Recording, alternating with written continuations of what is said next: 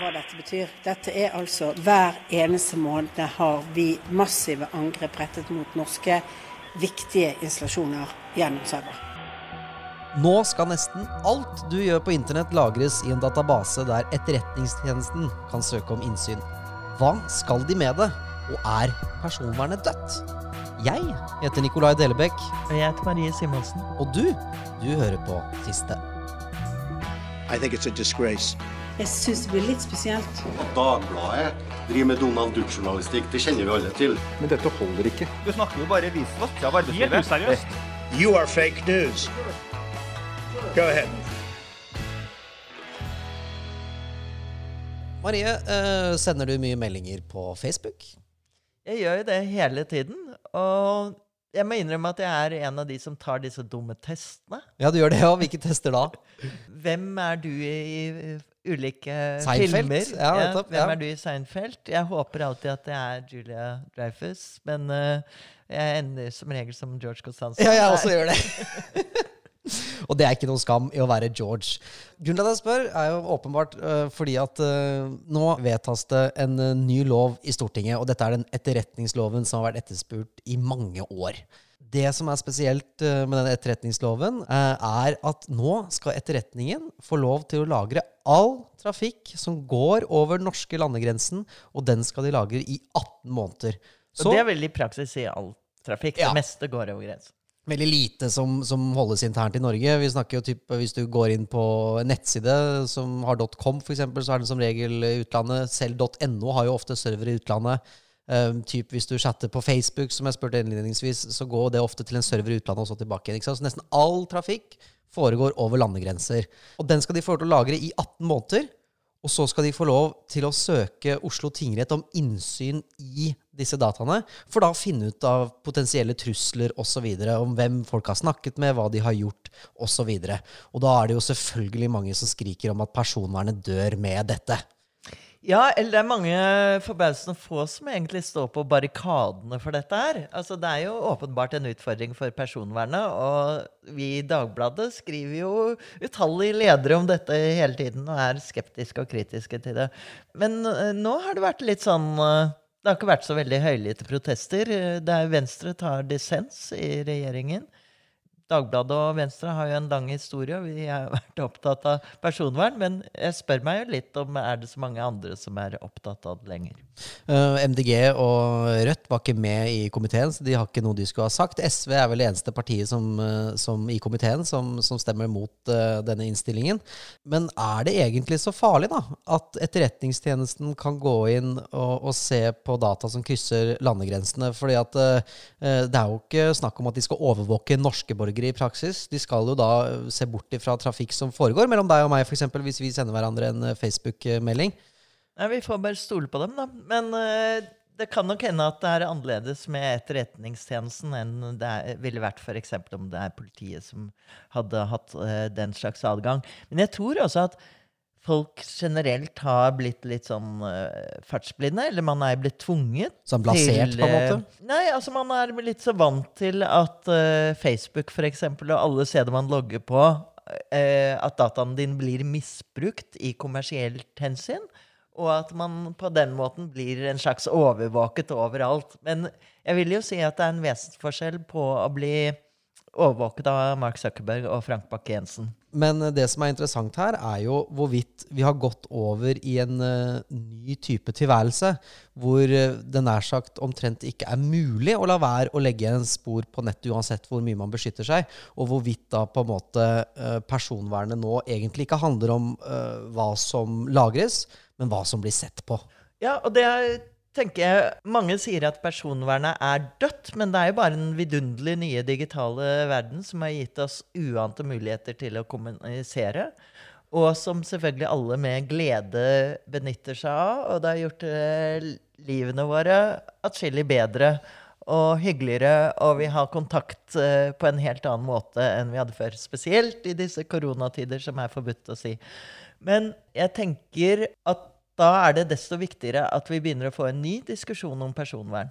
at vi kanskje eh, diskuterer personvern på eh, gamle, analoge tidens eh, premisser.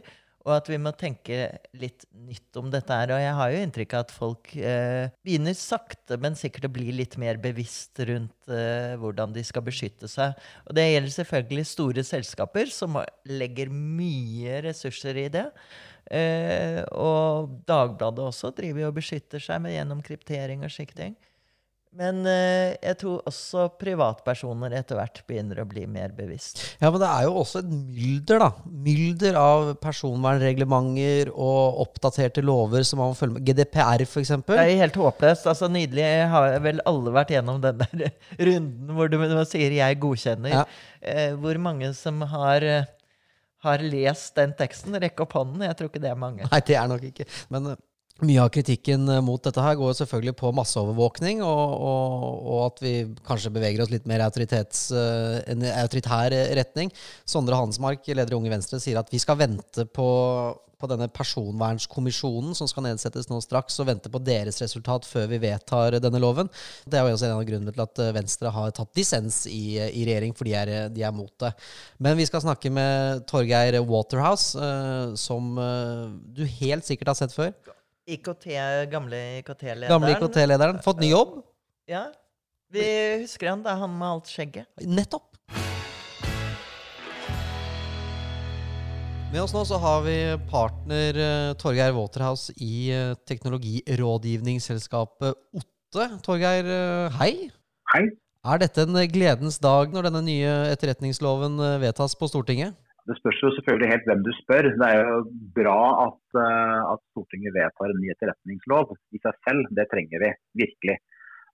Det som ikke nødvendigvis er så bra, er hva som ligger i lovverket. Og hva det gjør med bruk av data og hvilke, hvilke tilganger til data E-tjenesten får. Og, så, og Det er jo der nok uenigheten går, selv om man alltid kan finne noen som mener at E-tjenesten i seg selv ikke skal eksistere. Men hvis man først aksepterer at man trenger det, så er det bra med lov, nytt lovverk oppdatert. Og så er det en diskusjon da, om det lovverket er for inngripende eller ikke.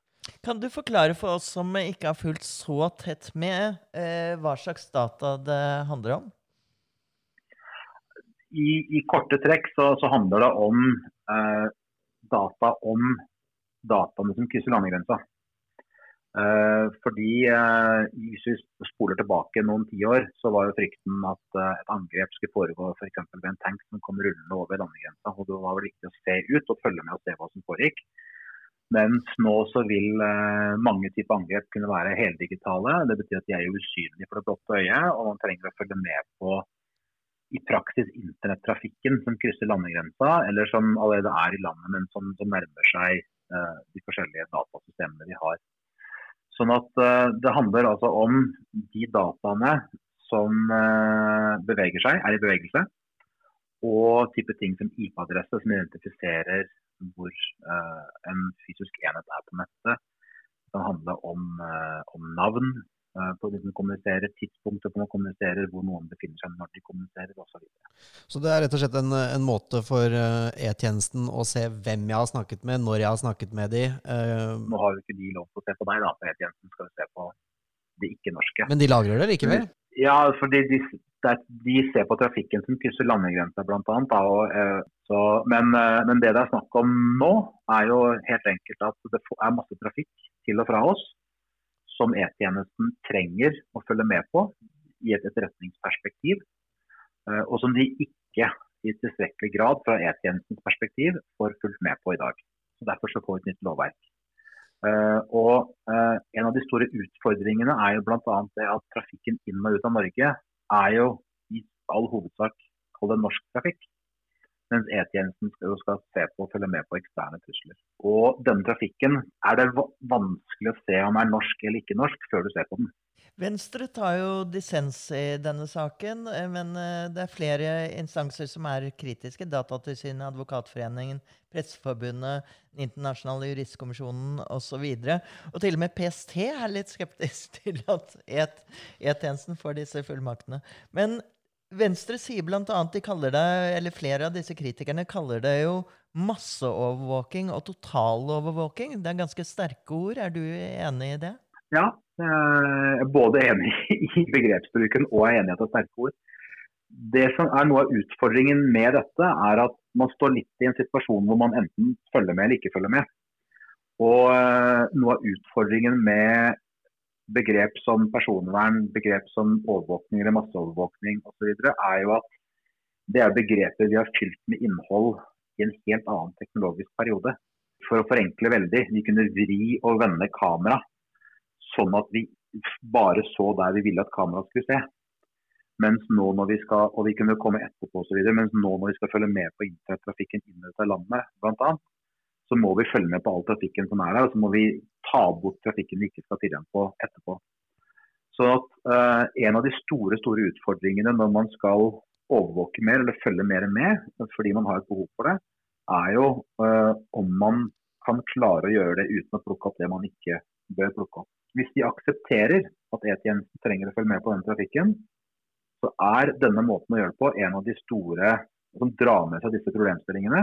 Det er i realiteten en av de hovedveiene å gå. Før, da, så, så i en analog verden, så, så, så kunne man si at, uh, at, man kunne plukke ut de få brevene som, uh, som E-tjenesten fikk lov å åpne eller få kopi av. Og, og man kunne ta, ta postgangen mens den var i bevegelse. Uh, men den, det er ikke mulig på samme måte nå med det digitale. sånn at man er tvunget, delvis tvunget inn i et spor hvor man må ta vare på dataene for, mens de flyr forbi, eller lage kopi av de mens de flyr forbi, for å kunne hente ut de man trenger å hente. Men Vil E-tjenesten da si at jeg sender en uh, eh, SMS da, til min, uh, over iMessage til min gode venn i Jordan, vil E-tjenesten vite hva som står i den meldingen? Det vil de nok i utgangspunktet ikke gjøre. Og så er det sånn at I et etterretningsperspektiv så snakker man ofte om at, og et etterforskningsperspektiv også for, for et nært politi, så snakker man jo ofte om at det er metainformasjon er mye viktigere enn uh, innholdet i meldingen. Så kan man også da huske på at om det skulle være sånn at du og din venn Jordan gjør noe og planlegger noe som det er grunn for E-tjenesten til å, å, følge opp, så vil de, og nå er jeg selvfølgelig på, på siden is over dypt her, eh, så vil de etter all sannsynlighet eh, via samarbeid med E-tjenesten i andre land skaffe seg tilgang på innholdet i kommunikasjonen.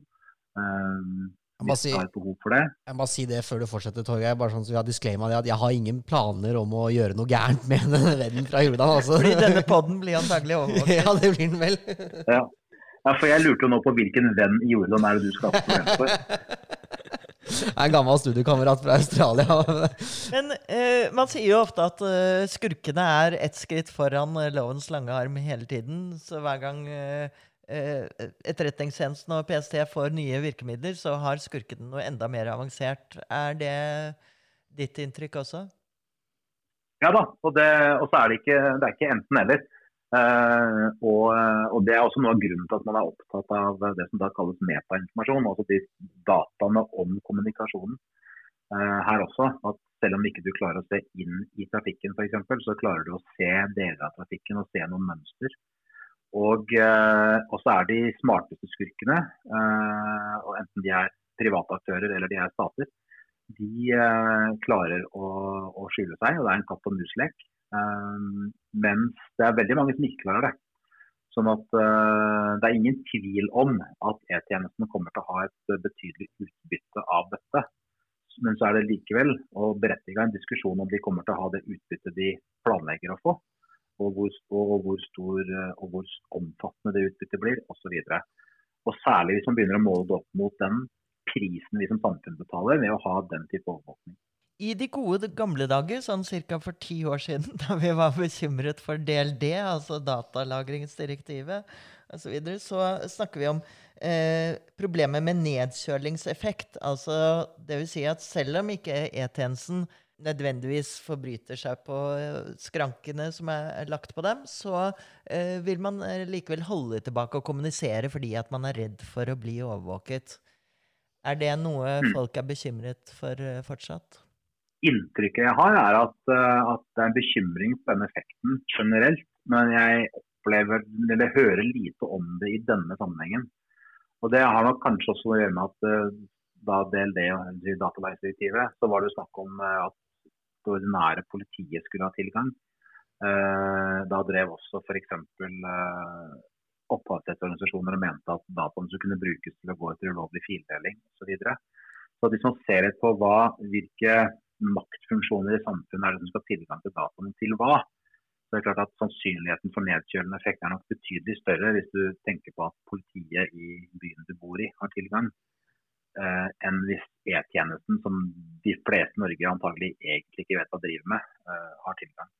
Men rent generelt så tenker jeg nettopp på, hvis man ser tilbake på DLD-debatten som du nå på forbilledlig vis eh, fortalte hvorfor den skiller seg fra denne. Men likevel, eh, det er noe rørende ved hvor opprørte vi var over, eh, over datalagringsdirektivet den gangen. Og det var til og med demonstrasjoner i gatene. Men har vi gitt opp denne kampen? Er det litt sånn at uh, utviklingen i sosiale medier har gjort oss totalt fartsblinde, og vi har nærmest uh, gitt opp personvernet, som er en så sterk kjerne av den liberale rettsstaten?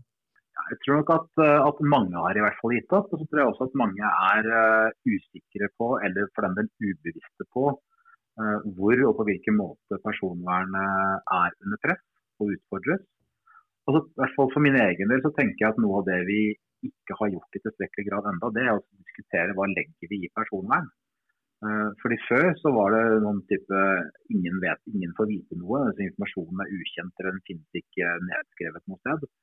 Mens uh, realiteten nå er veldig ofte at dataene finnes. Spørsmålet er heller hvordan skal de være beskytta, hvem skal ha tilgang til dem til hvilket formål. Sånn at uh, Kompleksiteten i uh, å forstå personvern og person, hvordan personvern utfordres, er mye høyere nå enn for om det er ti år siden med DLD-debatten, eller for den del 20-30-40 år siden. Men Betyr det at vi har gått inn i en ny type personvernstidsalder, da, hvor vi på en måte er nødt til å gå i oss selv og, og tenke at uh, det jeg anså for å være min egen sfære nå, den er på en måte, det er en tid som er passé, det er borte vekk. Nå må jeg på en måte tilvenne meg til en ny verden, og så må jeg på en måte forholde meg til nye regler og gjøre opp nye meninger om hva, hva som skal til for å beskytte oss? Ja, det, det, mener jeg at det er en sånn situasjon vi er i. Og Da tenker jeg at noe av det vi må følge opp det med, som du sier, hva vi gjør for å beskytte oss, handler også om hvordan, hvordan skal vi jobbe med både regulering og teknologi, sånn at de dataene som nødvendigvis må oppstå ved at vi bruker teknologi, at noen av de dataene eksisterer så kort tid som mulig, eh, behandles i så få systemer som mulig. Eh, at man har eh, tøffe og krav som følges opp for tilgang og bruk osv. av de dataene. De fleste husker sikkert det har vært diskusjoner rundt eh, f.eks. hva kan man bruke bilder fra bombingen til. Kan du gå etter noen hvis du til at tyvegods på taket når de kjører gjennom. Uh, og det, det, er jo en sånn bitte, bitte, bitte liten dreining på, på tilgjengelighet på data. Mens den bruken vi har av tjenester i dag, gjør at det er masse data om oss overalt. Det er masse systemer som har registrert hvor jeg befinner meg, hvor jeg beveger meg i dag. Og, eh, og bare når noen hører på den podkasten, så blir det generert data om at de hører på hvor de befinner seg, kanskje hvor stor del av podkasten de hørte på osv. Vi må ikke snakke for mye om det, for da tør ikke folk å høre på podkasten vår, Torgeir. Ja, ellers så hører de mer på den. så det ikke da vet at Om det er noen som ser at det liksom vår tids versjon av å ha de rette bøkene på bokhylla. Og Der er det også noe av utfordringen med språket vårt i forhold til å forstå hva det betyr. For Vi snakker om å se, vi snakker om å høre, vi snakker om å registrere. Men det at data finnes i et teknisk system, eh, f.eks. hos eh, en norsk kinokjede, en nordisk film som driver kino i Norge, eller for den del i aldergruppen som Dagbladet er en del av, det betyr ikke at noen ser dataene. Det betyr at de finnes der. Mm. Og de kan tas i bruk. Enten det er til konstruktiv bruk eller destruktiv, destruktiv bruk. Sånn at i, bare i, i, debattene våre og samtalene våre rundt data, så forvirrer vi hverandre også. Ved at vi bruker ord som betyr noe annet i en datasammenheng enn de betyr i et men menneskesammenheng. Det er jo kanskje det at vi har en sånn formening om Jeg prøvde å fortelle Nikolai her om hvordan med fasttelefonen at uh, man hørte at uh, overvåkingen uh, overvåket oss ved at samtalen ble spilt tilbake etter at vi la på røret. så, så, det var litt Sånne ting og klikkelyder og Ja, klikkelyder og Det var jo enklere å oppdage overvåkeren den gangen. Så Marie er jo vant med å bli overvåket og har gjort det i mange år, så hun er det, var, det, var faktisk, det var faktisk litt før min tid. Men Ja, men, Mener ja, du- og det er klart det er vanskelig nå. Ja, Men mener du at, uh, at vi kanskje også har, har en slags sånn uh, litt sånn mm, overdreven frykt for uh, overvåkingen, da? Jeg tror, altså, jeg tror at vi er en sånn blanding av at vi er mer redd for noen ting enn vi trenger å være, og så er, vi, er det en del ting vi ikke er bekymra for, som vi burde være bekymra for. Jeg har i noen sammenhenger sagt at jeg tror som en generell regel at vi er, eh, vi er bekymra for de tingene som vi ikke trenger å være bekymra for, og så er vi, er vi ubekymra der vi burde vært bekymra. Og øh, hvis vi skal tenke Hvis man skal forlate det prinsipielle da, og, og dra det over i den praktiske hverdagen, så har det etter all sannsynlighet en veldig liten praktisk betydning for noen av oss tre, eller for den del eh, de menneskene vi ser rundt oss der vi befinner oss nå, om E-tjenesten eh, får dette lovverket på plass eller ikke, og begynner å, å, å ta i data som de skal etter lovverket eller ikke. Nå blir jo denne nye loven altså vedtatt i, i Stortinget, og vi må rett og slett bare forholde oss til det. Og så er det jo bare å, å satse på at vi alle kan på omstille oss til denne nye personvernstidsalderen. Og som du sier da, Torgeir Og ikke snakke med skumle folk ikke i snakke med Jemen. skumle folk i verken Jemen eller Jordan. Jeg skal ikke sende en eneste melding jeg, til Khalid i Jordan. Tusen hjertelig. kan du sende papir,brev. da. Ja, det kan jeg gjøre. Det, det lager de jo ikke. Men de kan jo da, som du sier, plukke det ut hvis de ønsker det. Um, Tusen hjertelig takk skal Og du så må vi holde fast ved hvem overvåker overvåkerne, og hvem overvåker overvåkerne som overvåker overvåkerne. Nei, nå blir det for mye. Dette har vi ikke, dette har vi ikke kapasitet i hodene våre til, tror jeg, Torgeir. Tusen hjertelig takk for at du var med i podkasten og gjorde oss en del eh, smartere. Og så får lykke til videre med, med rådgivningsselskapet Otte. Det høres ut som det trengs. Det håper jeg du har rett i, og takk skal dere ha.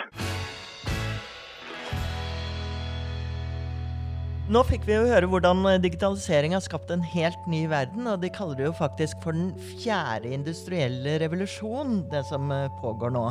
Og for å illustrere litt hvor dramatisk det er, så er det altså produsert mer data de to siste årene enn hele verdens historie før det.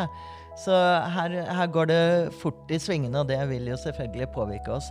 Og det det er snakk om, som E-tjeneste mener, de mener jo at eh, alle spionene i Russland og Kina vil le av dem hvis de ikke får dette verktøyet. Fordi at russerne og kineserne er eh, veldig flinke til å bruke eh, dette digitale verktøyet i sin maktkamp. Og da snakker vi om hacking og, og digital sabotasje og sånn. Så jeg tenker at etter denne fjerde industrielle revolusjonen så må vi nok tenke nytt om personvern, men vi må ikke slutte å tenke personvern likevel. Så personvernet, det er dødt, men lenge leve personvernet. Du har hørt en episode av Siste med meg, Nikolai Delebekk. Og meg, Marie Simonsen.